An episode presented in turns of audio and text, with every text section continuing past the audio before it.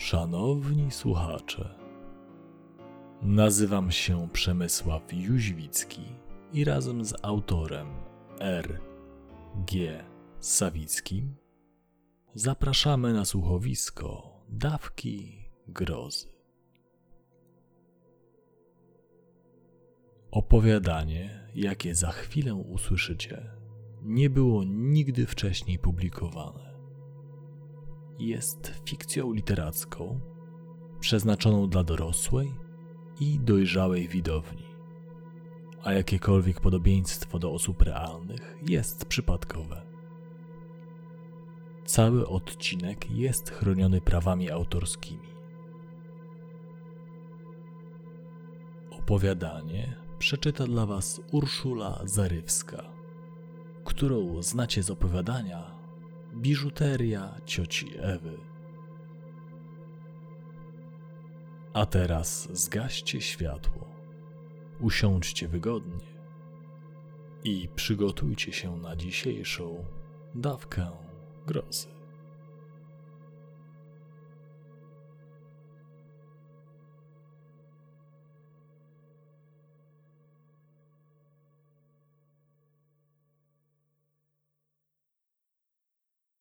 Diabeł w stadninie. Nie mogłam się doczekać wizyty u wujostwa. Szykowała się wspaniała przygoda i przede wszystkim odskocznia od szarej codzienności. Rówieśnicy mogli mi tylko zazdrościć. Musieli spędzać wakacje w domach, ponieważ w całym kraju pozamykano bary, hotele i wszystkie atrakcje. Można było dostać mandat nawet za przemieszczanie się, za wyjątkiem wizyty w sklepie albo w jakiejś ważnej sprawie albo oczywiście w kościele. Szaleństwo. Tak czy inaczej, ja nie miałam gnić w mieszkaniu z matką i ojcem. Ku mojej i pewnie też swojej uciesze, rodzice postanowili wysłać mnie na kilka dni do wuja Stacha i cioci Heleny. Wujostwo prowadziło gospodarstwo agroturystyczne i niewielką stadninę. Nie mogłam się doczekać, kiedy zobaczę konie.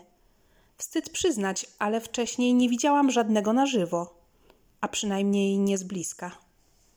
Teraz miałam na nich jeździć. Rodzice opisywali mi gospodarstwo wuja w samych superlatywach: zielona trawa, z daleka od miejskiego gwaru, w pobliżu rzeczka. Do tego przez cały czas miała być słoneczna pogoda. Nie mogłam uwierzyć w swoje szczęście. Ale stało się. Z samego rana wsiadłam razem z ojcem do samochodu i ruszyliśmy w drogę. Nic nie mogło popsuć mi dobrego humoru, nawet narzekania ojca. Był, delikatnie mówiąc, wkurzony.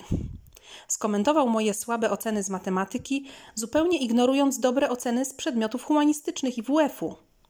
Potem zamilkł, żeby po dłuższej chwili przypomnieć sobie, ile pieniędzy włożył w oblany przeze mnie egzamin na prawo jazdy. Poruszył też starą, w zasadzie przedawnioną sprawę, kiedy to znaleźli wraz z mamą papierosy w moim plecaku. Następnie znowu zamilkł, tym razem na dłużej. Kiedy wreszcie się odezwał, zaczął psioczyć na to, jak się ubieram. Widocznie nie miał się już do czego przyczepić. Miałam sprawdzoną strategię radzenia sobie z jego marudzeniem. Po prostu je ignorowałam. Wiedziałam, że ojciec tak naprawdę wylewa na mnie swoje żale związane z pracą. Home office go wykańczał. Nie potrafił znaleźć rytmu, ciągle coś go rozpraszało, a to dźwięk czajnika, a to znowu awaria internetu. Na szczęście już niebawem będzie mógł pracować w ciszy. Około dziesiątej dotarliśmy na miejsce. Ojciec mimo wszystko życzył mi miłego pobytu i wziął moje bagaże. Ja łapczywie rozglądałam się dookoła.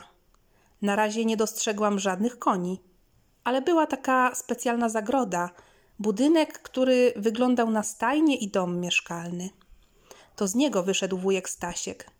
Był wysoki, żylasty, miał krótko przystrzyżone siwe wąsy i siwe włosy.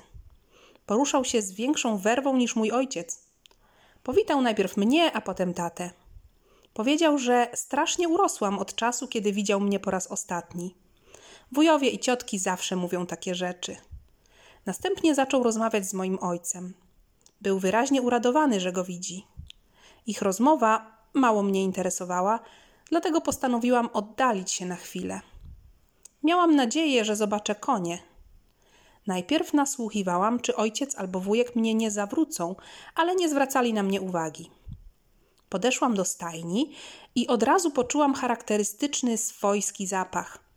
Niestety drzwi były zamknięte, a ja wciąż nie czułam się tutaj na tyle pewnie, żeby samowolnie wchodzić do budynków i pomieszczeń. Za to przyjrzałam się bliżej domowi. Miał dwa piętra i strych, spadzisty dach, a do środka wchodziło się przez podcień z kolumnami. Można chyba powiedzieć, że był to niewielki dworek. Wyglądał bardzo malowniczo. Za domem i stajnią wyrastał las, a poza tym okolica była raczej równinna. Tak jak mówili rodzice, wszędzie zielona trawa. Zbliżyłam się kilka kroków do lasu i ujrzałam jeszcze parę ciekawych rzeczy. Pomiędzy głównymi zabudowaniami a linią drzew mieściła się niewielka szopa, jak zgaduję na narzędzia. Były też drewniane ule, kamienne palenisko, ławeczki i stoły, niektóre zadaszone. Nigdzie natomiast nie widziałam rzeki, o której wspominali rodzice. Wkrótce uznałam, że już się naoglądałam i postanowiłam wrócić. Okazało się, że w samą porę, ponieważ ojciec zaczął się nerwowo rozglądać. Pogroził mi palcem, jakbym wciąż była dzieckiem, a potem drugi raz życzył mi miłego pobytu. Przekazał moje bagaże wujkowi i w końcu wsiadł do auta i odjechał. Odetchnęłam. Wujek zaśmiał się i nazwał nas wszystkich mieszczuchami, a następnie zaprosił do środka. Od razu zaskarbił sobie moją sympatię.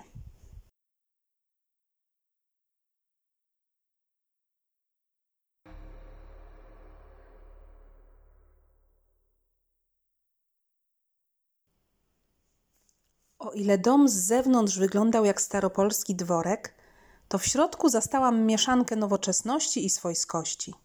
Te style się ze sobą nie kłóciły, zamiast tego doskonale się uzupełniały. W przedsionku powitała mnie ciocia Hela. Jeśli chodzi o wygląd, była przeciwieństwem wuja Stacha.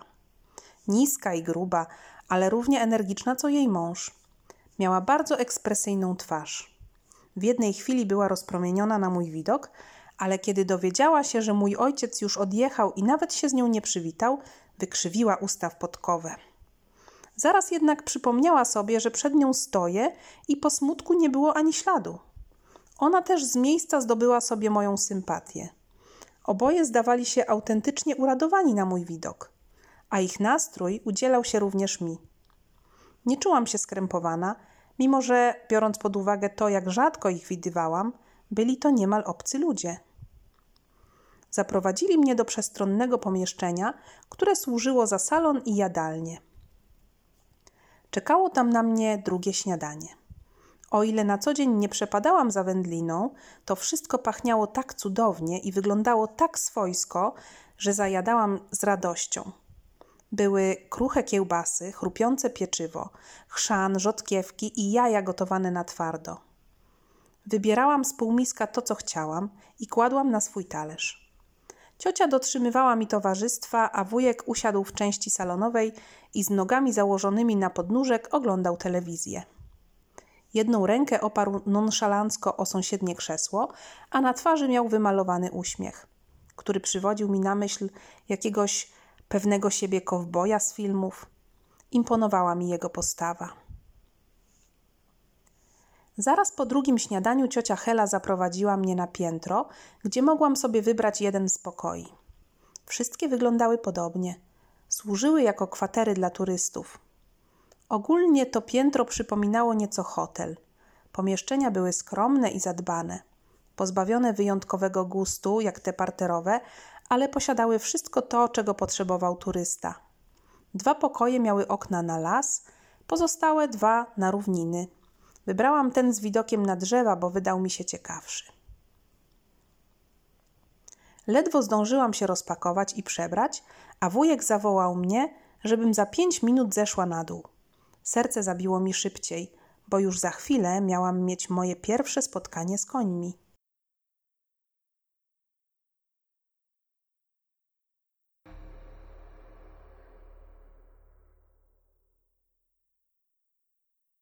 Wujek stał na trawie przed domem i trzymał na sznurku potężnego szarego konia. Już po chwili dowiedziałam się, że sznurek To w rzeczywistości uwiąz, a koń nie jest szary, tylko siwy. Wuj zachęcił mnie, żebym się zbliżyła, ale mówiąc szczerze, trochę się bałam. Oczywiście wiedziałam, że konie to duże zwierzęta, ale jego gabaryty i tak mnie zaskoczyły. Zwłaszcza jego łeb wydawał mi się taki ogromny. W końcu się przełamałam i uśmiechem maskując strach, podeszłam. Wujek poklepał zwierzę po grzbiecie i wyjaśnił mi, że to perszeron imieniem Bogdan. W opinii wujka Bogdan świetnie nadawał się na pierwszą przejażdżkę dla mieszczucha, ponieważ był zimnokrwistym wałachem, czyli osobnikiem wyjątkowo spokojnym. Zastanawiałam się, jak mam na niego wejść, ale wujek mnie zaskoczył. Złapał mnie i podsadził do góry, a ja, nie mając wyjścia, wdrapałam się i usiadłam w siodle. Było wysoko i ogólnie ten manewr wydał mi się co najmniej niebezpieczny. A co jeśli koń zrobiłby krok w bok w momencie wsiadania? Z drugiej strony wujek był bardzo pewny siebie i swojego konia, więc chyba wiedział, co robi. Zaczęła się przejażdżka. Po tym, jak nonszalancko wujek wsadził mnie na konia, obawiałam się, że przygotował dla mnie jakieś skoki przez przeszkody, ale na szczęście nie. Cały czas trzymał konia na uwiązie i spacerował po okolicy, a ja po prostu siedziałam na grzbiecie zwierzęcia i nic nie robiłam. Mimo wszystko czułam przypływ adrenaliny. Miałam pod sobą żywą masę mięśni i to było niesamowite.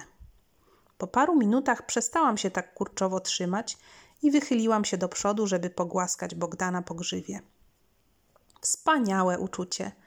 Podczas przejażdżki wujek opowiadał mi o okolicy i o urokach prowadzenia gospodarstwa agroturystycznego. Dowiedziałam się między innymi, że rzeka płynie przez las, że koniom dokuczają muchy i że koronawirus rujnuje mu biznes. Normalnie o tej porze roku wszystkie kwatery były zajęte. Przyjeżdżali też ludzie z kamperami albo rozbijali namioty na równinie. Obecnie z powodu obostrzeń rządowych nie można było przyjmować gości. Zrobiliśmy parę kółek, a następnie wróciliśmy na obiad.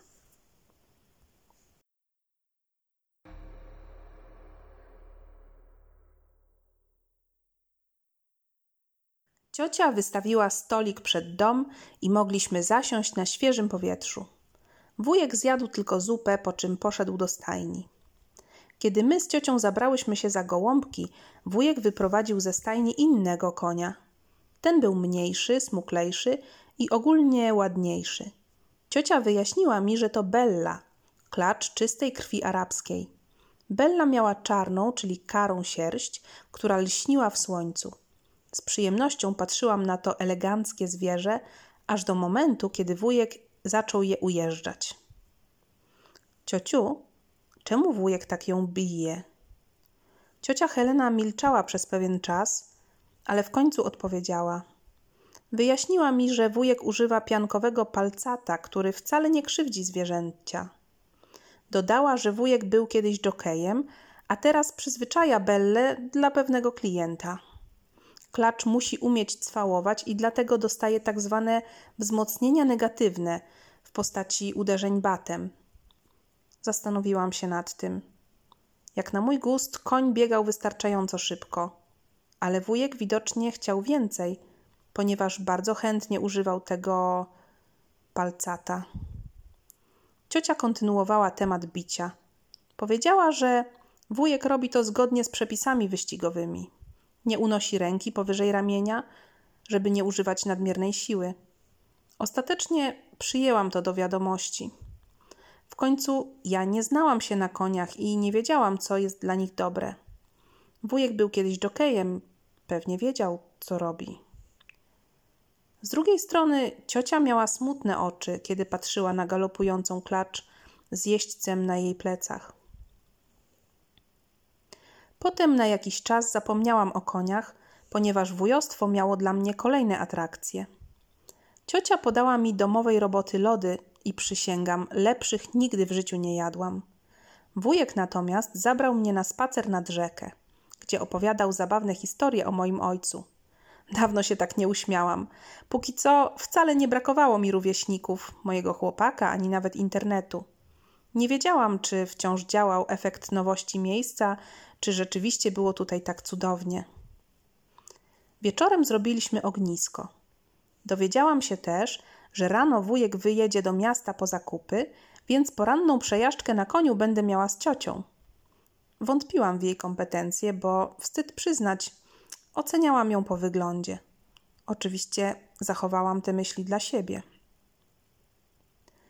Poszłam do łóżka długo po zachodzie słońca. Nie miałam nawet chęci przeglądać TikToka ani odpisywać na wiadomości. Byłam bardzo zmęczona, ale pozytywnie. Wymieniłam tylko kilka SMS-ów z moim chłopakiem i poszłam spać.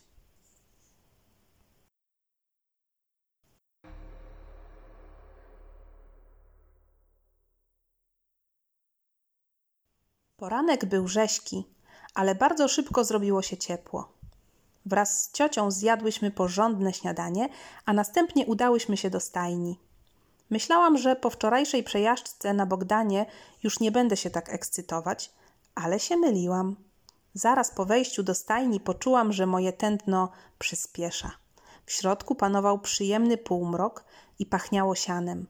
Naliczyłam osiem boksów, spośród których cztery były zajęte. Od razu poznałam ogromnego perszerona Bogdana oraz karą klacz Belle, która była, jak to wujostwo często podkreślało, czystej krwi arabskiej. Ciocia przedstawiła mi dwa pozostałe konie. Agrawka była tak zwanym koniem małopolskim. Miała podobną budowę ciała jak Bella, również piękną, choć pozbawioną tej trudnej do opisania elegancji. Różniła się jeszcze kolorem sierści. Miała kasztanowate umaszczenie. Te trzy zwierzęta umieszczono blisko siebie. Nieco dalej w ostatnim boksie stał Ares. Nie trzeba było znawcy koni, żeby zauważyć, że Ares jest raczej nerwowy. Ciocia ostrzegła mnie, żebym się do niego nie zbliżała. Ares był ogierem niewiadomej rasy i wciąż nie potrafił się zachowywać przy ludziach. Zapytałam, jak niebezpieczny może być taki ogier. Wtedy usłyszałam nieprzyjemną historię o tym, jak parę miesięcy temu na innej stadninie doszło do tragedii. Młoda dziewczyna wyprowadzała konia ze stajni. Ten spłoszył się i kopnął ją w brzuch. Przyjechało pogotowie, ale obrażenia wewnętrzne okazały się zbyt poważne. Dziewczyna zmarła w drodze do szpitala. Zmarszczyłam brwi i spojrzałam na Aresa. Ten prychnął głośno, zupełnie jakby chciał potwierdzić, że też byłby zdolny kogoś zabić. My wyprowadziłyśmy agrawkę i ciocia pokazała mi, jak należy pielęgnować konia. Wujek nic mi na ten temat nie mówił. Zaczęłam podejrzewać, że jego interesuje wyłącznie jeździectwo, a opieką nad zwierzętami zajmuje się ciocia. Zdradziła mi, że czyszczenie pomaga budować więź człowieka z koniem i w zasadzie od tego należałoby zacząć. W jej opinii wujek za bardzo chciał się popisać i dlatego od razu wsadził mnie w siodło. Zaśmiałyśmy się równocześnie. Potem wzięłam do ręki zgrzebło i zaczęłam pielęgnować agrawkę, a ciocia instruowała mnie, jak mam to robić. Używałam też specjalnej szczotki do sierści, najpierw twardej, potem miękkiej. Czesałam jej grzywę i ogon. Ciocia w tym czasie używała dziwacznej szczotki z hakiem do czyszczenia kopyt.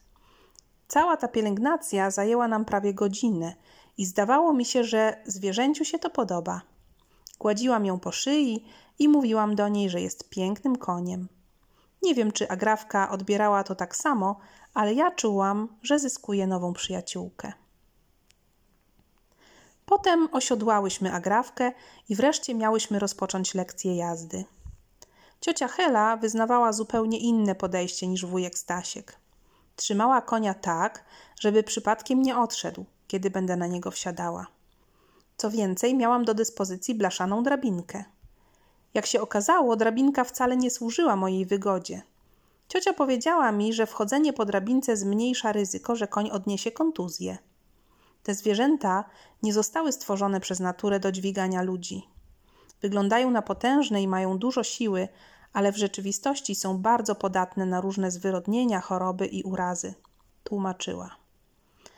A co z powiedzeniem zdrowy jak koń? Zapytałam, choć już domyślałam się odpowiedzi. Końskie zdrowie to mit, nic więcej. Powiedziała smutnym głosem ciocia, a mi zrobiło się trochę przykro. Na szczęście zły nastrój wkrótce minął, bo zaczęłyśmy trening. Odbywał się wewnątrz zagrody, która nosiła nazwę padoku. Ciocia stała w środku i trzymała konia na ląży, a ja jeździłam na agrawce po okręgu. Wykonywałam różne ćwiczenia, jedne prostsze, inne trudniejsze. Kiedy czegoś się bałam albo mi nie wychodziło, ciocia zatrzymywała konia, żebym miała łatwiej. Do końca życia zapamiętam ćwiczenie, które polegało na wyjmowaniu nóg ze strzemion i wysuwaniu ich tam i z powrotem. Z pozoru proste, dla mnie okazało się niezłym wyzwaniem, bo strzemiona się obracały i trudno było mi w nie wcelować. Po treningu bolały mnie mięśnie nóg i pleców. Byłam zaskoczona tym, jak ciocia potrafiła mi wszystko wytłumaczyć. Niesłusznie zakładałam, że zna się gorzej od wuja Stacha. Wyszło na to, że wujek robił dużo hałasu, ale to ciocia miała dużo większą wiedzę na temat koni. Wujek wrócił akurat na obiad i pomogłyśmy mu wypakować zakupy. Wyjaśnił, że w czasie pandemii lepiej raz na jakiś czas porządnie się zaopatrzyć, niż latać codziennie po bułki. Pomyślałam, że w ich przypadku to dobry pomysł bez względu na pandemię. Przecież mieszkali dosyć daleko od miasta, a w ich okolicy nie było żadnych sklepów. Po obiedzie ciocia zachęcała mnie do oglądania filmu, ale ja wolałam wyjść przed dom. Kiedy to zrobiłam, zrozumiałam, dlaczego zależało jej, żebym siedziała przed telewizorem. Do wujka przyjechał ten ważny klient i obaj ścigali się na koniach. Klient, którego z tej odległości nie widziałam wyraźnie, dosiadał Belli, a wujek Stasiek wziął agrawkę. Mężczyźni urządzili sobie zawody na równinie. Biegli łeb w łeb. Kiedy zbliżali się do mety, prześcigali się w okładaniu konia po zadzie. Nie jestem pewna, ale chyba widziałam, jak unoszą rękę ponad wysokość ramienia. Pomimo tego całego gadania o piankowym palcacie i o tym, że tak się robi, miałam wrażenie, że konie bardzo cierpią. Jeszcze gdyby oni ścigali się na tych wielkich perszeronach, to może bym tak nie przeżywała, ale to były szczupłe klacze. Miałam nadzieję, że przestaną po pierwszym wyścigu. Myliłam się. Jeździli tak do wieczora. Potem, nie dbając o rozsiodłanie koni, udali się w okolice ogniska i otworzyli butelkę wódki. Obserwowałam z ławeczki przed domem, jak ciocia Hela idzie zająć się końmi. Zaoferowałam pomoc, ale powiedziała, że sama to zrobi. Kiedy wróciła, unikała mojego spojrzenia. Nie jestem pewna, ale chyba miała w oczach łzy.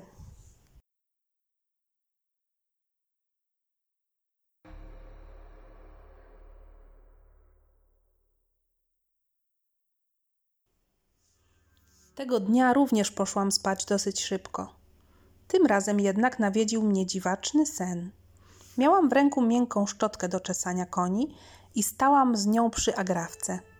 Pielęgnowałam jej sierść, zaczynając od szyi. Kiedy doszłam do zadu, koń wzdrygnął się z bólu. Byłam nieostrożna i przejechałam jej po pręgach, które powstały od uderzeń bata. Nagle miałam przed sobą koński łeb. Patrzyłam w oczy agrawki, ale jej spojrzenie było nieobecne. Zupełnie jakby mnie nie dostrzegała. Patrzyła gdzieś daleko. Jej wzrok przelatywał przeze mnie przez ściany stajni i docierał na bezkresne równiny, gdzie pasą się dzikie konie. Nagle naszła mnie myśl, że to zwierzę tak bardzo męczy się w niewoli, że może lepiej byłoby je uśpić. Wzięłam do ręki pneumatyczny pistolet do uboju bydła, przyłożyłam agrawce do czoła i nacisnęłam spust. Strzeliło, a klacz runęła na ziemię, rzucając kopytami. Ja padłam na nią i rozpłakałam się. Potem wstałam i podeszłam z pistoletem do Bogdana, potem do Belli, na końcu do Aresa. Ostatni strzał był ogłuszający, a na domiar złego na chwilę zrobiło się bardzo jasno. Zbudziłam się. To musiał być piorun. Uderzył gdzieś niedaleko. Słyszałam teraz gwałtowne dudnienie deszczu. Siedząc w łóżku, powoli uspokajałam się. Patrzyłam przez okno na szarpane wichurą czubki drzew. Nie spodziewałam się tak gwałtownej burzy. Chyba nikt się jej nie spodziewał. Przecież na najbliższe dni prognozowano ładną pogodę. nagle kolejny piorun uderzył w drzewo tuż przy domu. Miałam wrażenie, że od tej pierwotnej siły natury aż zatrzęsły się okna i ściany. Nigdy wcześniej nie znalazłam się tak blisko miejsca, w które uderzył piorun. Nic dziwnego, że dawni ludzie przypisywali niszczycielskie siły przyrody bogom i demonom. Wyobraziłam sobie Zeusa siedzącego na górze Olimp i ciskającego gromy. Scena ta wydała mi się tak komiczna, że poprawił mi się humor. Nie na długo, bo zaraz odniosłam wrażenie, że coś jest nie tak. Myśl o tym, że coś się zmieniło, nie dawała mi spokoju. To uczucie mogłam porównać do sytuacji, kiedy ktoś bliski wyjechał i zbyt długo nie odbierał telefonu.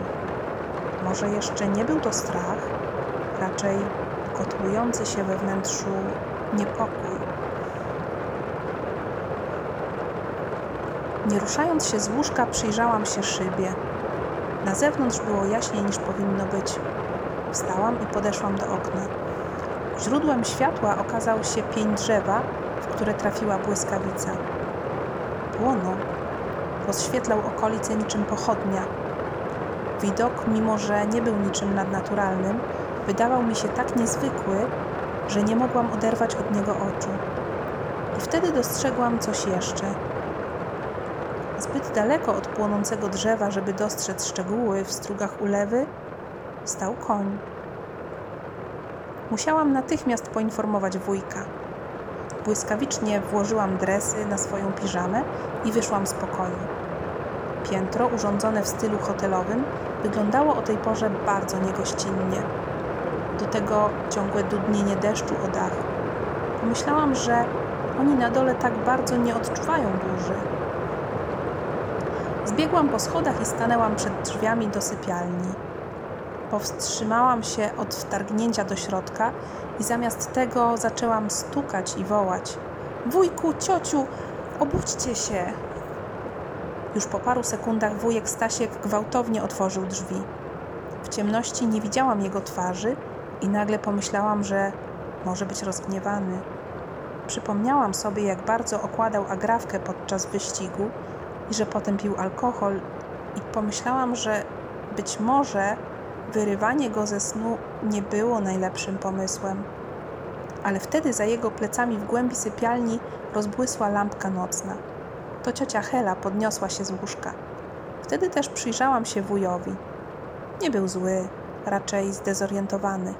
Wyjaśniłam mu, że widziałam duże zwierzę na zewnątrz. Przedstawiłam swoją teorię, że burza musiała wystraszyć któregoś z koni i ten wydostał się ze stajni. Teraz chodził samopas i może się oddalić albo coś sobie zrobić. Nagle przyszło mi do głowy, że to Ares, a ten ogier mógł zrobić krzywdę nie tylko sobie. Wujek niechętnie podszedł do drzwi wyjściowych. Stwierdził, że nie spodziewał się burzy, a potem wyjrzał na zewnątrz. Zrobił to bardziej z ciekawości niż żeby iść do koni.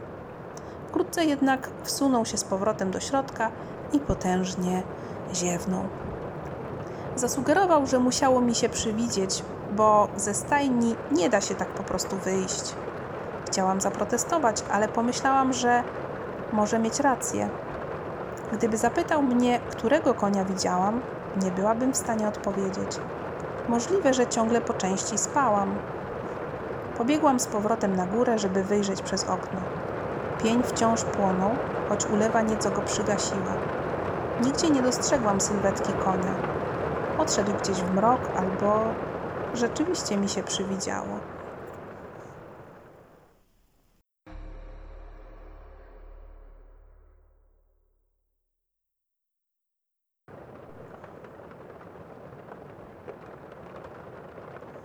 Mimo, że odgłosy deszczu zazwyczaj mnie usypiały, nie mogłam zasnąć. Leżałam w łóżku i słuchałam. Czy liczyłam na to, że z zewnątrz dobiegnie mnie rżenie konia? Niczego takiego nie usłyszałam, ale za to coś działo się na dole. Pomyślałam, że wujostwo też nie może spać i zdecydowałam się do nich zejść. Salon z jadalnią pogrążone były w mroku a drzwi do sypialni wujostwa pozostawały zamknięte. Za to w kuchni paliło się światło. Wyraźnie słyszałam też odgłos syczenia i bulgotania. Wkrótce to pierwsze ucichło i zostało tylko bulgotanie. Niepewnym krokiem przeszłam przez hol, aż poczułam zapach kawy. Zajrzałam do kuchni i ujrzałam ciocię Helę. Zdjęła z gazu kawiarkę i bulgotanie powoli ucichło. Uśmiechnęła się na mój widok, choć wyglądała na smutną. Może to z powodu tego światła? Włączona była jedynie lampka w okapie nad kuchenką. Roztaczała pomarańczową poświatę, która nadawała ludziom i przedmiotom ponury wygląd. Ciocia też nie może spać? Wypiję kawę i pójdę zajrzeć do koników, odpowiedziała. Po chwili uchyliła usta, jakby chciała dodać coś jeszcze, ale się powstrzymała. Może zamierzała skrytykować męża za lenistwo? Porozmawiałyśmy chwilę o burzy. Okazało się, że ciocia też słyszała ten piorun, który uderzył tuż przy domu. Kiedy wypiła połowę kawy, poradziła mi, żebym sobie usiadła w kuchni, a ona zaraz wróci. Potem wyciągnęła skądś kurtkę przeciwdeszczową i wyszła. Okno kuchenne wychodziło na stajnię. Usiadłam zaraz przy nim i patrzyłam na ciemną bryłę budynku. Niewiele widziałam, więc zgasiłam światło. Kiedy niemal po omacku wróciłam do okna, ujrzałam, że drzwi do stajni zostały uchylone. To stało się wcześniej, czy może ciocia zdążyła wejść do środka? Nie wiedziałam, ale zaczęłam się martwić. Przypomniałam sobie nerwowe zachowanie Aresa. Nie trudno było sobie wyobrazić, że wydostał się z boksu i tocząc pianę z pyska biega gdzieś po okolicy. Oszalały ze strachu ogier mógł stratować ciocię. Co do tego nie miałam wątpliwości. Nic się nie działo i trwało to dosyć długo. Moje oczy przyzwyczaiły się do ciemności na tyle, że zaczęłam dostrzegać szczegóły, których wcześniej nie widziałam. Nieco w stronę lasu w rządku stały niskie, ciemne kształty. Wyobraźnia najwyraźniej płatała mi figle, bo kształty zdawały się do mnie zbliżać. Iluzja rozwiała się dopiero, kiedy przypomniałam sobie, że tam, gdzie widziałam owe niskie kształty, stały ule. Odetchnęłam ciężko. Po kilkunastu minutach ujrzałam wyłaniającą się ze stajni sylwetkę. Osoba zamknęła za sobą drzwi i obróciła się w moją stronę. Nie mogła mnie widzieć, ale mi pomachała. To musiała być ciocia. Domyśliła się, że czekam przy oknie. Wracała teraz do domu. Kiedy spotkałyśmy się ponownie, już przy zapalonym świetle, wyznała, że w stajni nie brakuje żadnego konia. Opowiedziała mi o tym, jak musiała uspokajać Belle i Aresa. Bogdan z Agrawką lepiej znosili burzę. Nabrałam pewności, że koń, którego ujrzałam wtedy przez okno, był tylko wytworem mojej wyobraźni. Pożegnałam się i wróciłam do siebie. Śliznęłam się pod kołdrę i ze wzrokiem wbitym w szybę nasłuchiwałam. Ujrzałam błysk, a potem czekałam.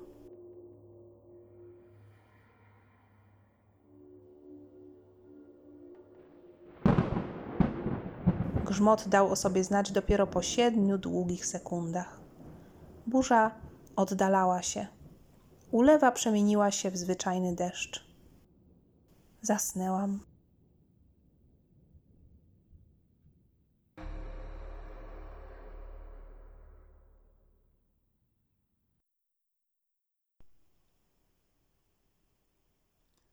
To była paskudna noc. Co prawda nic więcej się nie działo, nie miałam nawet kolejnych koszmarów, ale często się budziłam.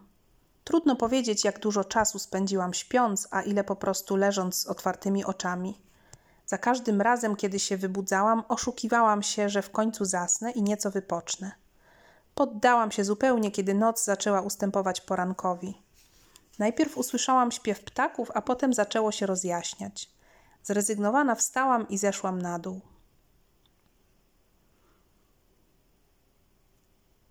Wujek i ciocia spali za zamkniętymi drzwiami.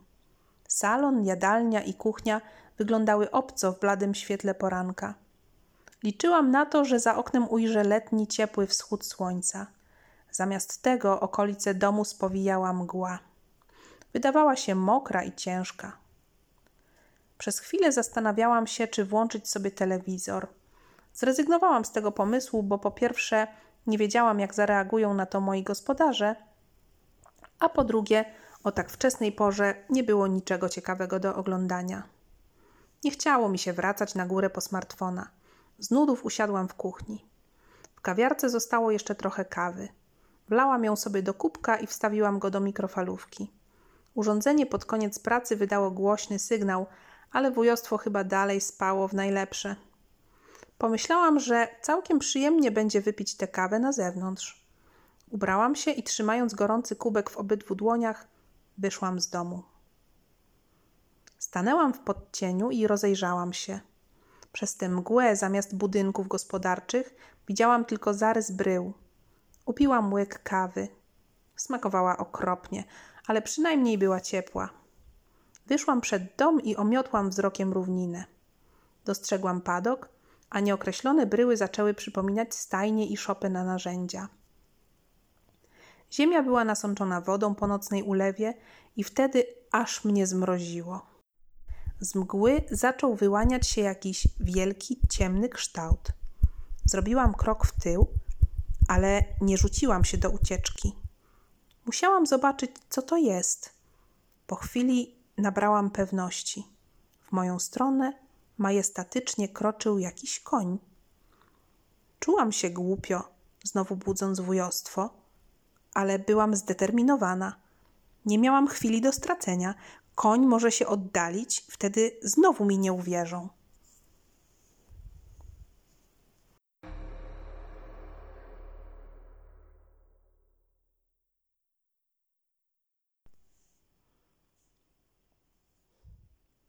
Wujek Stasiek był zachwycony. Oczywiście, że początkowo mi nie dowierzał, ale wychylił się przez drzwi i od razu dojrzał zwierzę. Wtedy stało niemal u progu domostwa, jakby czekając, aż ktoś wyjdzie mu naprzeciw. Wyglądało na to, że przybłąkało się tutaj zeszłej nocy. Wujek umieścił je w stajni, a potem przez całe śniadanie podekscytowany opowiadał o nowym nabytku. Bo, jak wyznał nam bez cienia wstydu, nie zamierzał nigdzie zgłaszać, że znalazł konia. Było to zachowanie dziwne i nieodpowiedzialne.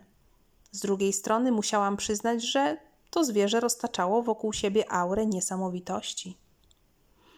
Po śniadaniu wyszliśmy we trójkę, najpierw na obchód okolicy. W bezpośrednim sąsiedztwie naszego domu znaleźliśmy mnóstwo śladów zwierzęcia, ale nie było ich nigdzie indziej. Z tego powodu nie mogliśmy określić, czy przyszło z lasu, od strony równin, czy z kierunku drogi. Zupełnie jakby pojawiło się znikąd.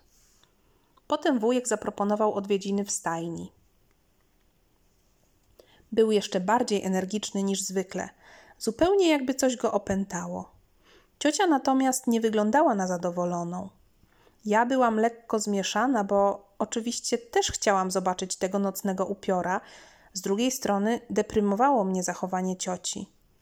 Zanim weszliśmy do stajni, ciocia nawet się przeżegnała. Mimo, że określam się jako ateistkę, na ten widok przebiegły mnie ciarki po plecach.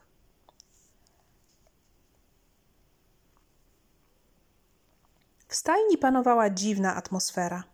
Z początku nie potrafiłam określić, dlaczego tak było, ale kiedy uważniej przyjrzałam się znajomym koniom, już wiedziałam. Wszystkie, nawet ten narwaniec Ares, były niezwykle spokojne. Bardziej przypominały figury woskowe niż żywe konie. Przyłapałam się na tym, że patrzyłam trochę dłużej na bok Bogdana, żeby się upewnić, czy oddycha. Zachowanie zwierząt było o tyle dziwne, że w stajni latało jeszcze więcej much niż zazwyczaj. Ale nie zastanawiałam się nad tym dłużej, bo oto wujek otworzył boks, w którym umieścił wcześniej nowego konia. Ciocia zaprotestowała, a ja odruchowo ustawiłam się bliżej wyjścia. Wujek Stacho nie był człowiekiem, który słuchałby czyichś rad, a tym bardziej rad swojej żony. Zadecydował, że tak piękne zwierzę będziemy oglądać przy świetle dziennym. Na zewnątrz zrobiło się jasno. Również mgła wyraźnie się rozrzedziła. Mogłam bez przeszkód przyjrzeć się zwierzęciu. Jakiż to był piękny koń, cały czarny, ale była to zupełnie inna czerń niż u Belli. Sierść nowego konia zdawała się tak prawdziwie czarna, że nie mogłam na niej dostrzec poszczególnych włosów. Możliwe, że stałam zbyt daleko, ale podejść bliżej się nie odważyłam.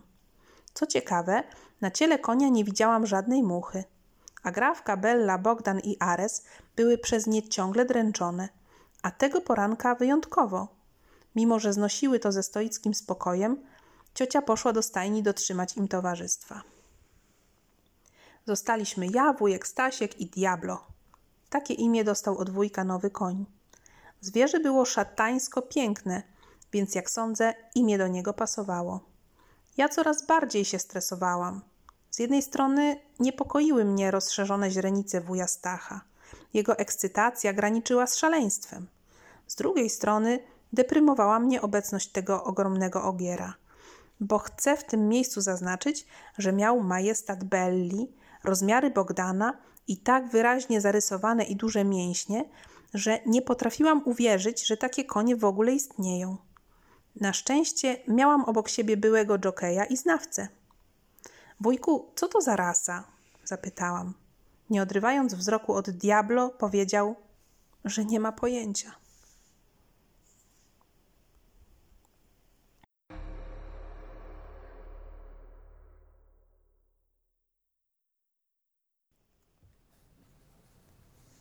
Około południa zapomniałam na jakiś czas o nowym koniu. Spacerowałam po lesie z ciocią, a potem poszłam do siebie do pokoju.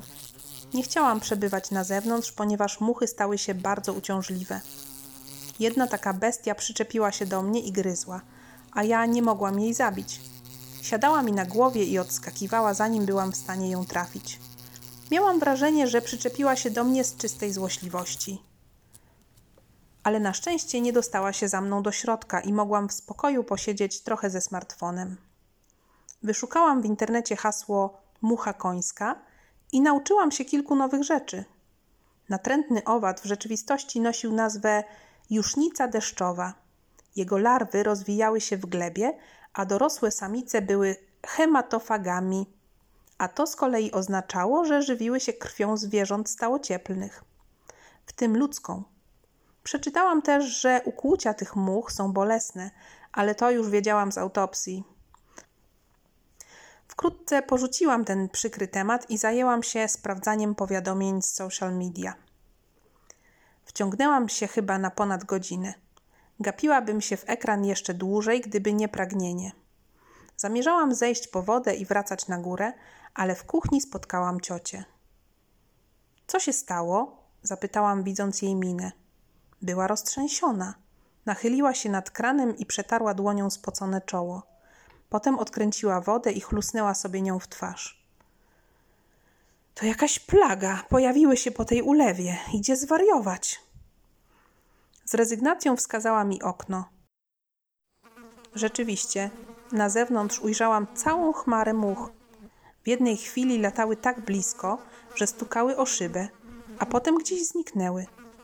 Ciocia wyjaśniła mi, że pewnie przysiadły w oczekiwaniu na ofiarę. Zrobiło mi się szkoda koni, ale ciocia Hela uspokoiła mnie, że każdemu założyła specjalną derkę oraz maskę chroniącą przed owadami. Diablo też dostał derkę? Zapytałam. Zamilkła na chwilę i po wyrazie jej twarzy od razu poznałam, że niechętnie słyszy to imię. Miałam na wyposażeniu tylko cztery derki, ale wiesz co? Kiedy byłam w stajni, muchy trzymały się od niego z daleka.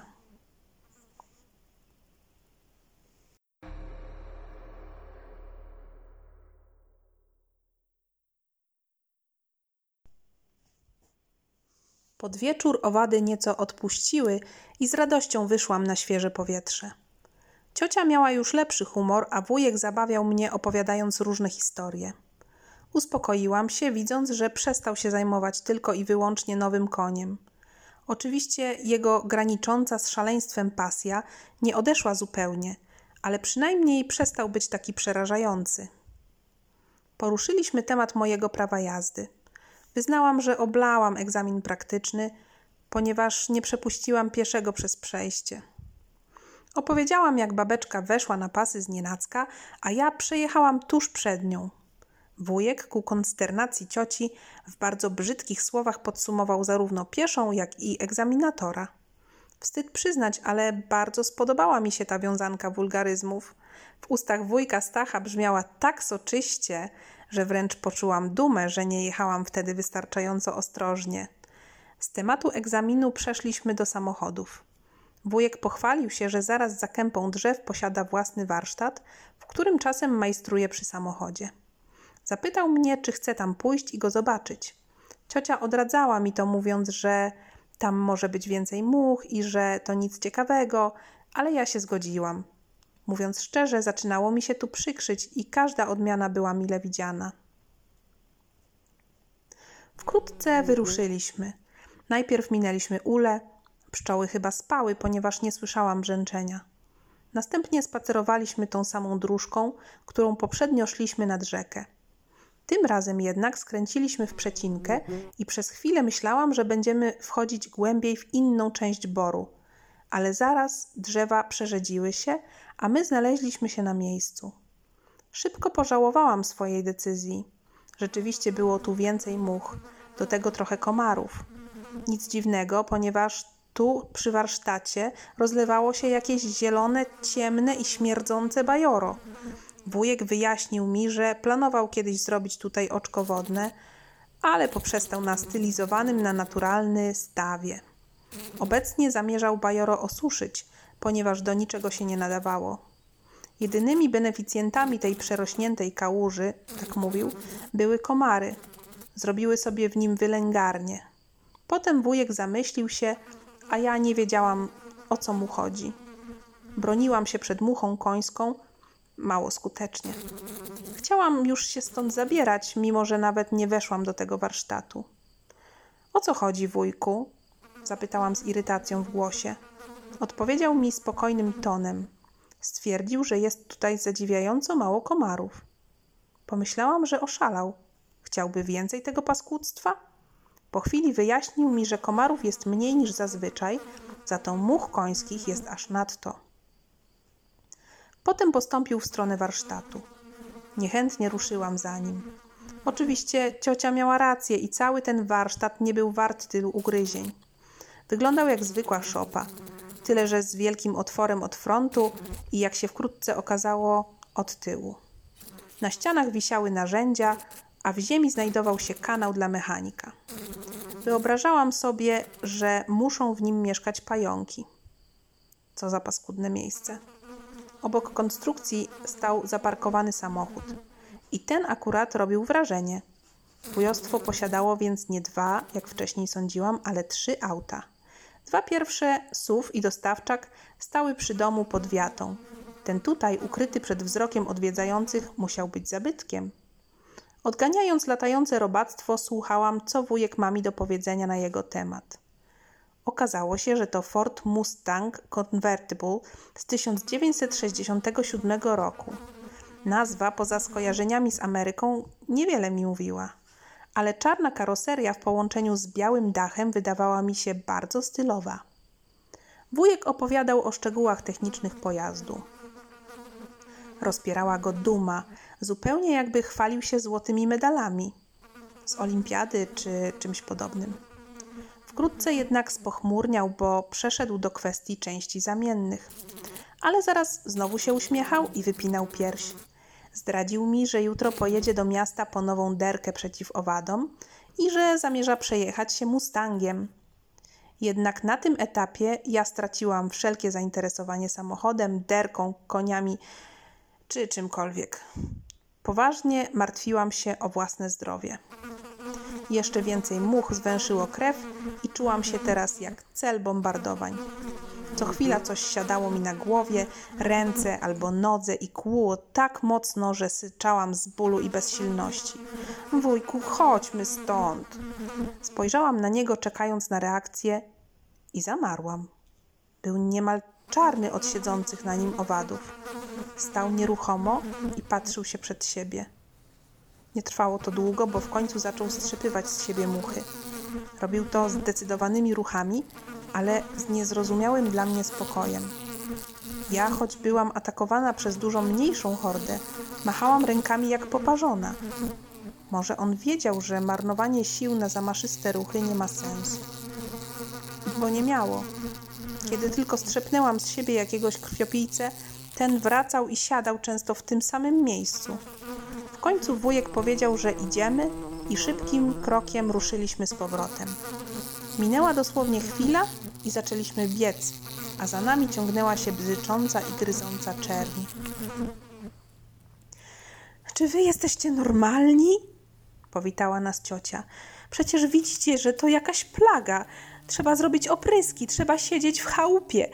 Nie należy się włóczyć na dodatek tam, gdzie jest stojąca woda. Wujek straszliwie pogryziony machnął ręką i powiedział, że to normalne, że poza miastem czasem kogoś ugryzie mucha końska, ale zgodził się w kwestii oprysków i niewychodzenia bez potrzeby z domu. Ja nie zniosłam ukąszeń tak dobrze jak on.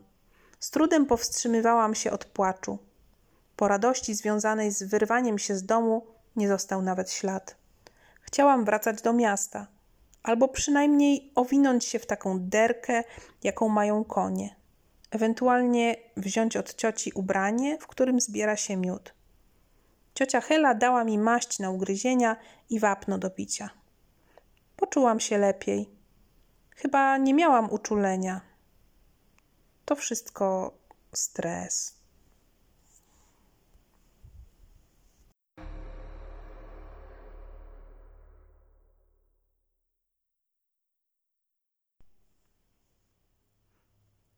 Ale i tej nocy nie było mi dane spać spokojnie. Najpierw przypomniałam sobie, jak wujek ze swoim klientem ujeżdżali biedną Bellę i Agrawkę. Zrobiło mi się żal na myśl o stresie, jaki przeżywały te biedne koniki. Nie mogłam przestać o tym myśleć. Potem było jeszcze gorzej.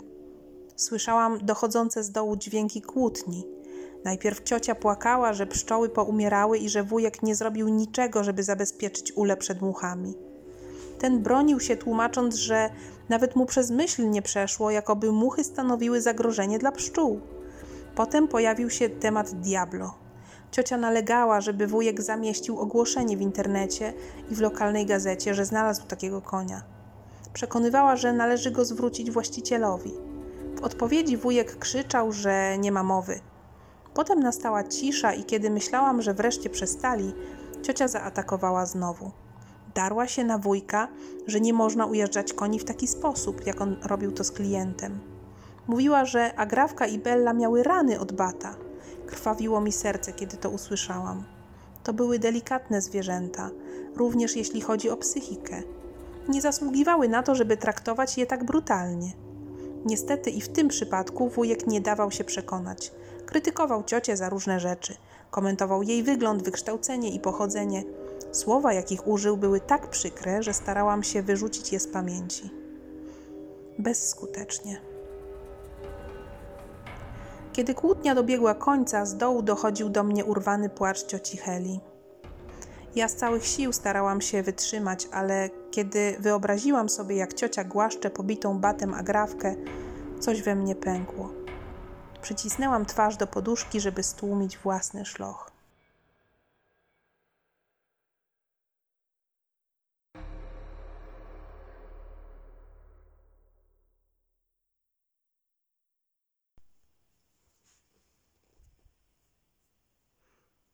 O dziwo, wyspałam się całkiem nieźle. Może dlatego, że tylko początek nocy był zły, a potem już nic nie przerywało mojego snu. Co więcej, było mi przyjemnie chłodno. W takiej temperaturze bardzo chętnie leżałam pod kołdrą. Mogłam się nią nakryć i udawać, że to moje bezpieczne schronienie. Kiedy się rozbudziłam, zdałam sobie sprawę, że słyszę ciche, jednostajne buczenie. Niewykluczone, że ten odgłos zadziałał trochę jak biały szum – który puszcza się niemowlakom, żeby wreszcie zasnęły. Rozejrzałam się uważnie po swoim pokoju. Tym, co wydawało ten odgłos, okazała się klimatyzacja. Wujek skoro świt wyjechał do miasta, więc śniadanie jadłyśmy z ciocią we dwie. Wyjaśniła mi, że do tej pory nie włączała klimatyzacji, bo brakowało klientów, a także gorąc nie doskwierał tak bardzo. Teraz jednak pogoda oszalała. Na zewnątrz rozpętało się jakieś piekło, powiedziała przyciszonym głosem. Ja rozejrzałam się po jadalni i salonie. Okna były pozamykane, żeby nie wpuszczać owadów, ale także gorąca.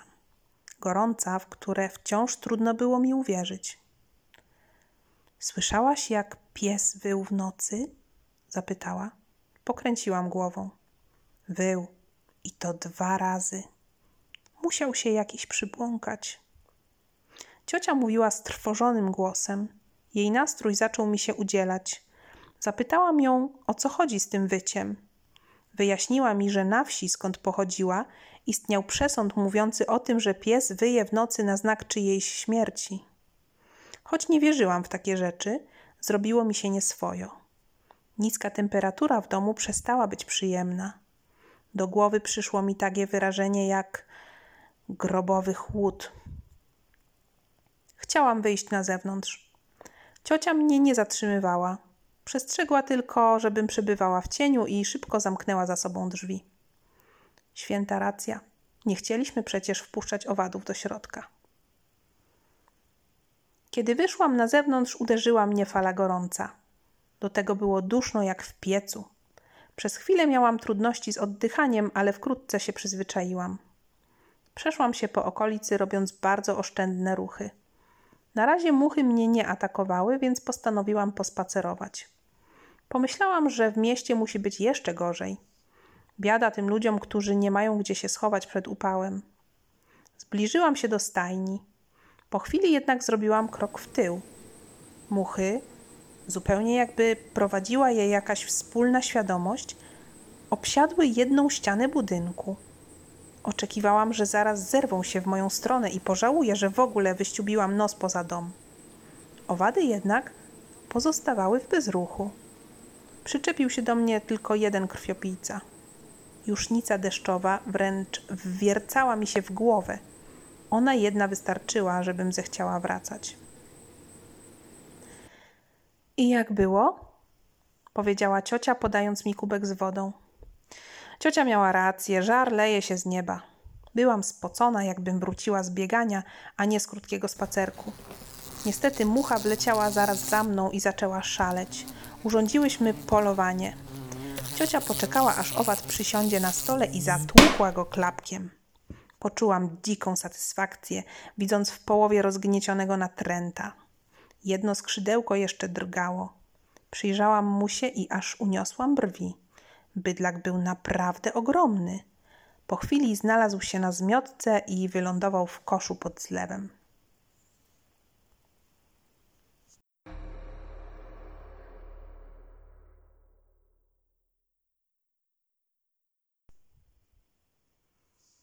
Całe przedpołudnie spędziłam siedząc w salonie przed telewizorem.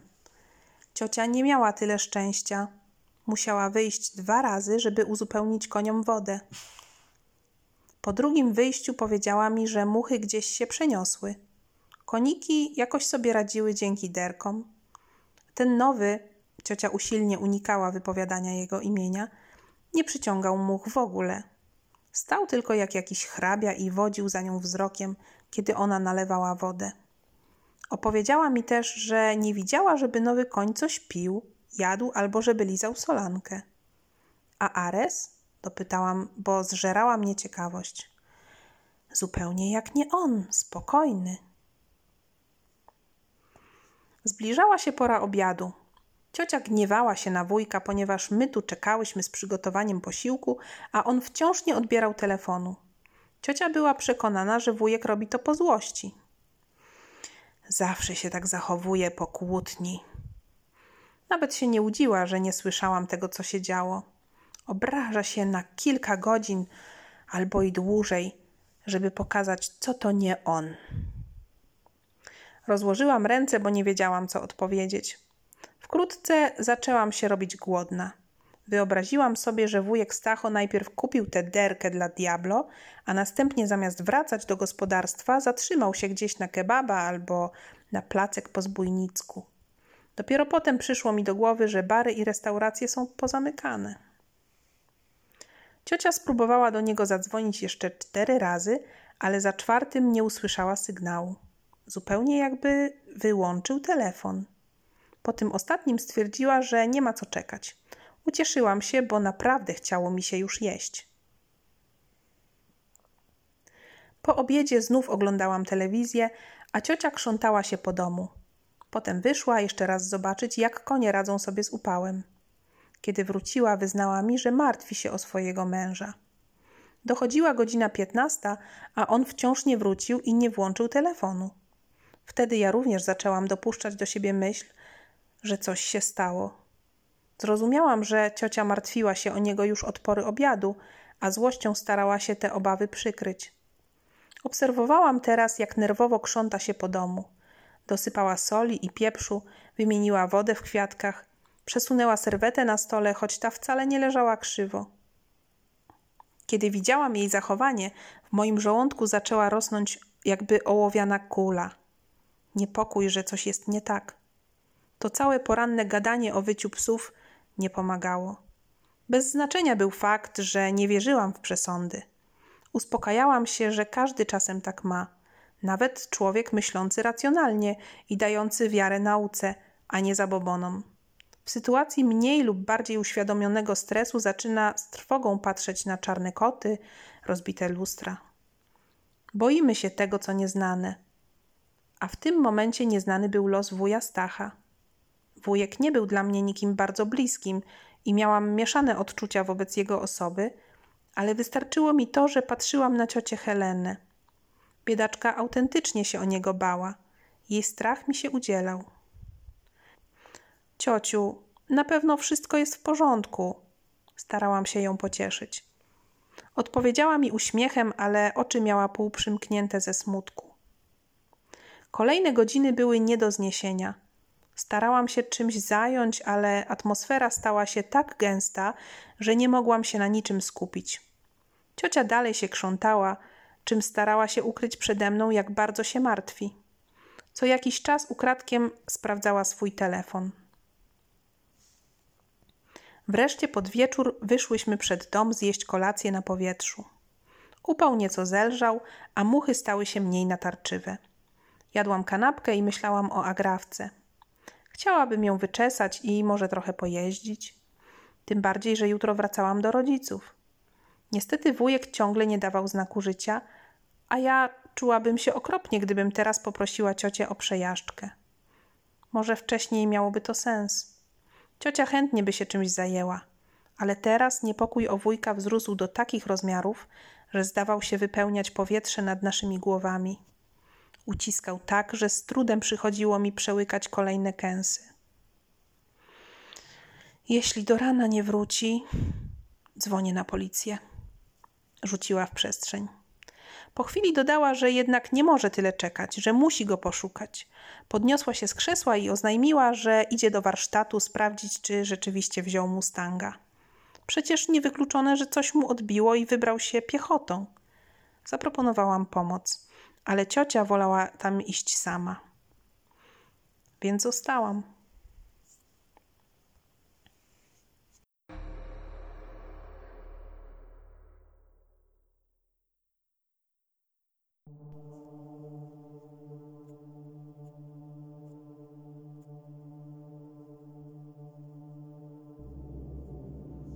Niebo zrobiło się czerwone, a ja wciąż siedziałam przy stole przed domem. Spodziewałam się rychłego powrotu cioci, przecież była niedaleko. Patrzyłam w kierunku równiny i nagle naszła mnie myśl, że jest tu trochę strasznie. Znajdowałam się na otwartej przestrzeni, bez innych ludzi w okolicy. Mogłam co prawda wejść do domu, ale ten całkowicie opustoszały wydawał mi się niegościnny, obcy. Wyobraziłam sobie, że ciocia ma gorzej. Dociera właśnie do warsztatu i musi wdychać opary z tej zatęchłej sadzawki, jednocześnie odganiając się od much i komarów. W porze zachodu słońca tamto miejsce musi wyglądać jak wyjęte z horrorów. Po chwili ujrzałam w oddali czyjąś sylwetkę. Najpierw zastanawiałam się, czy mi się nie wydaje. Postać szła, ale nie wyglądało na to, że się zbliża paru chwilach jednak upewniłam się, że ten ktoś jest rzeczywisty i że idzie w moim kierunku. Przeszło mi przez myśl, że to wujek. Mężczyzna, bo zaczęłam wyraźniej widzieć sylwetkę. Niczego nie niósł. A wujek miał wrócić z derką dla Diablo. Zlękłam się, że osobnik może być wrogo nastawiony. Z drugiej strony, może to był sąsiad. Może chciał o coś zapytać? Przez moment zastanawiałam się, czy nie schować się w domu, ale postać na pewno już mnie dostrzegła. Odchyliłam się na krześle i uśmiechnęłam, żeby wyglądać na zrelaksowaną. Czekałam, aż podejdzie i powie o co chodzi. Mężczyzna był wysoki, poruszał się dostojnie i zatrzymał się jakieś 5 metrów ode mnie. Przywitał mnie, ale nie podchodził bliżej. W tym krwisto-czerwonym świetle nie potrafiłam ocenić ani jego wieku, ani dostrzec jakichś cech szczególnych. Natomiast miał tak przyjemny i głęboki głos, że nie uwierzyłabym własnym oczom, gdyby nie okazał się przystojny. Wyobraziłam sobie czarną szpicbrudkę, niebieskie oczy i bujną, modnie zaczesaną czuprynę. Dobry wieczór, odpowiedziałam na jego powitanie. Wtedy mężczyzna wyznał coś, co zmroziło mi krew w żyłach. Opowiedział mi, jak burza wystraszyła jego konia. Opisał go bardzo dokładnie, a następnie powiedział, że zwierzę nosi imię Diablo. Nie miałam pojęcia, czy to jakiś zbieg okoliczności. Możliwe, że dlatego, że rumak jest tak szatańsko piękny, imię Diablo po prostu do niego pasuje. Możliwe, że każdy, kto na niego spojrzy, nada mu nazwę kojarzącą się z piekłem. Mężczyzna nie pozwolił mi się zbyt długo nad tym zastanawiać. Zapytał, czy nie widziałam w okolicy takiego konia. Dodał, że o ile zwierzę wydaje się mieć spokojne usposobienie, to w rzeczywistości jest szalenie niebezpieczne. Nie mogę tego stwierdzić z całą pewnością, ale w tym ostatnim zdaniu wyczułam groźbę i dumę. Natychmiast wskazałam ręką na stajnię. Potem obserwowałam, jak mężczyzna wchodzi do budynku, a następnie wychodzi z czarnym jak bezgwiezdna noc Diablo. Koń nie był prowadzony, po prostu szedł obok swojego właściciela, jak wierny pies. Mężczyzna nie powiedział do mnie nic więcej i wkrótce on oraz Diablo zniknęli mi z pola widzenia. Ja jeszcze przez jakiś czas siedziałam na krześle i zdumiona patrzyłam w miejsce, gdzie widziałam ich po raz ostatni. Potem z ciekawości weszłam do stajni. Było już dosyć ciemno, ale chyba liczba przebrzydłych much zmniejszyła się. Nie mogłam niestety pogłaskać agrawki, bo Ares tak się wyrywał na mój widok, że trząsł całym boksem. Nie mając pewności, czy się nie wyrwie i mnie nie stratuje, wycofałam się.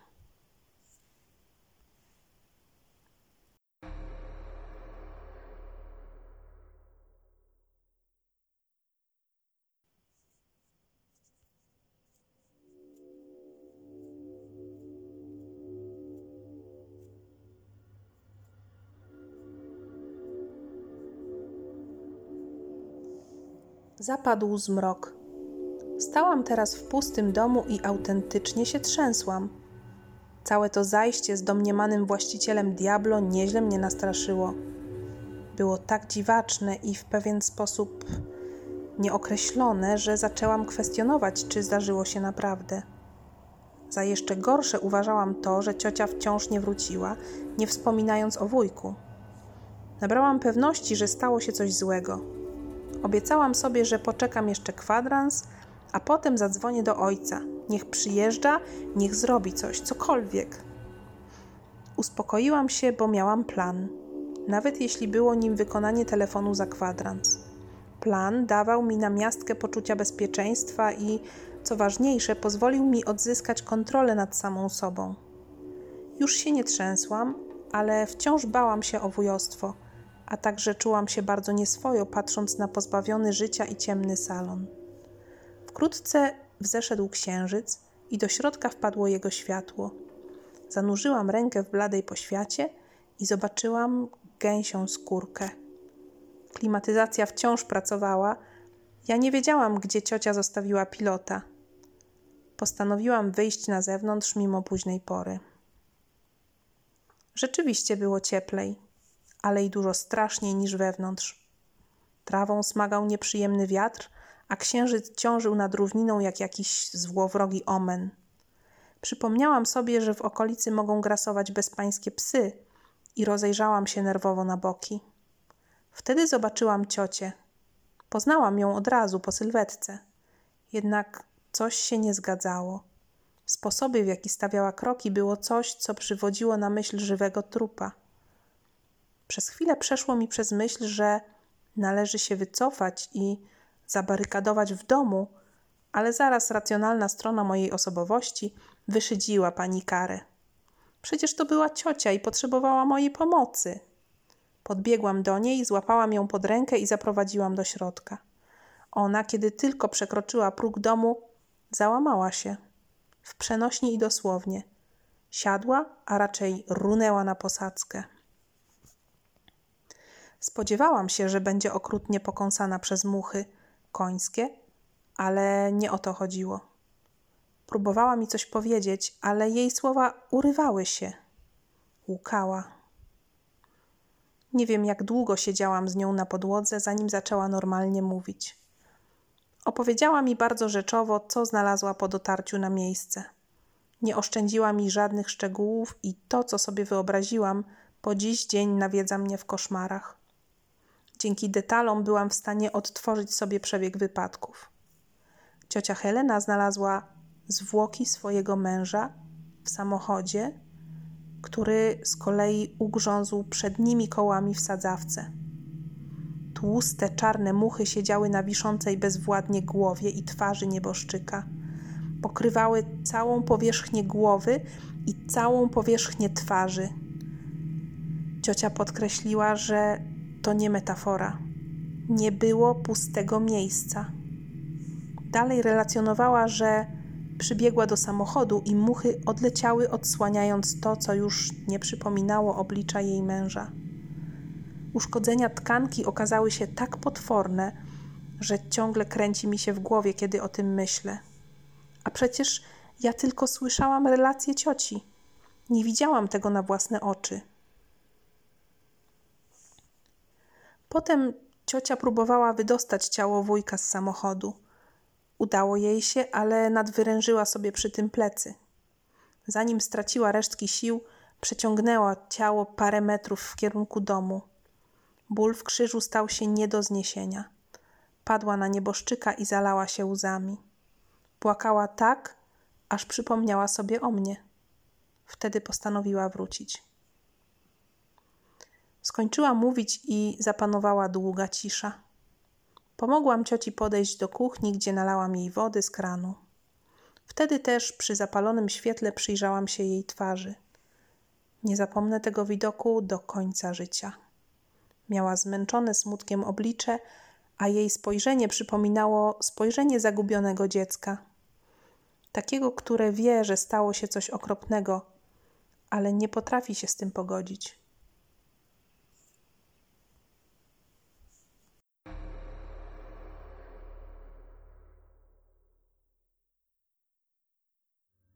Następnego dnia wróciłam do domu. Myślę, że nie ma sensu relacjonować tego, jak na to nieszczęście zareagowali moi rodzice, ani co pisały portale informacyjne. Zamiast tego opowiem o dwóch rzeczach, które moim zdaniem mogą wiązać się ze sprawą. Najpierw muchy. Kiedy tajemniczy właściciel odebrał Diablo, muchy zniknęły. Nie wiem, co o tym sądzić. Po prostu wydaje mi się to dziwne, więc o tym opowiadam. Druga rzecz to klient świętej pamięci wuja Stacha i jego los. Pamiętam, że pili wtedy wódkę, a on nie został na noc. To znaczy, że wracał samochodem na podwójnym gazie.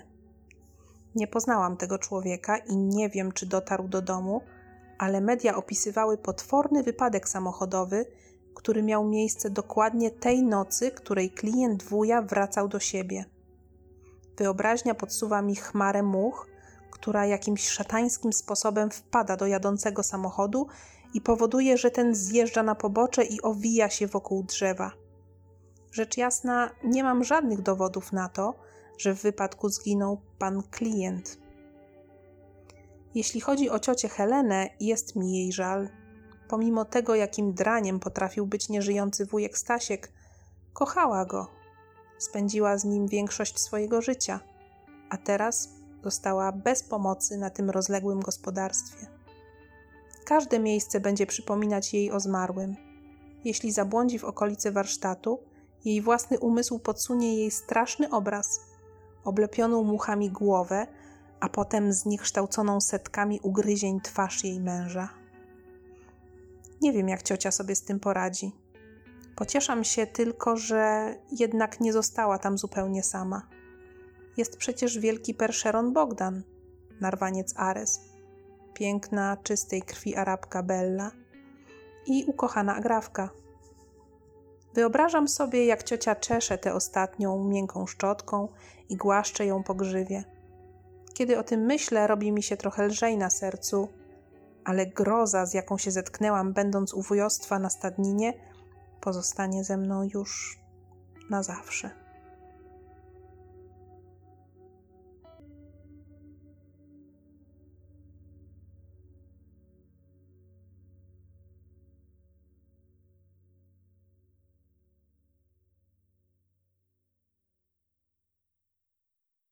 Czytała Urszula Zarywska.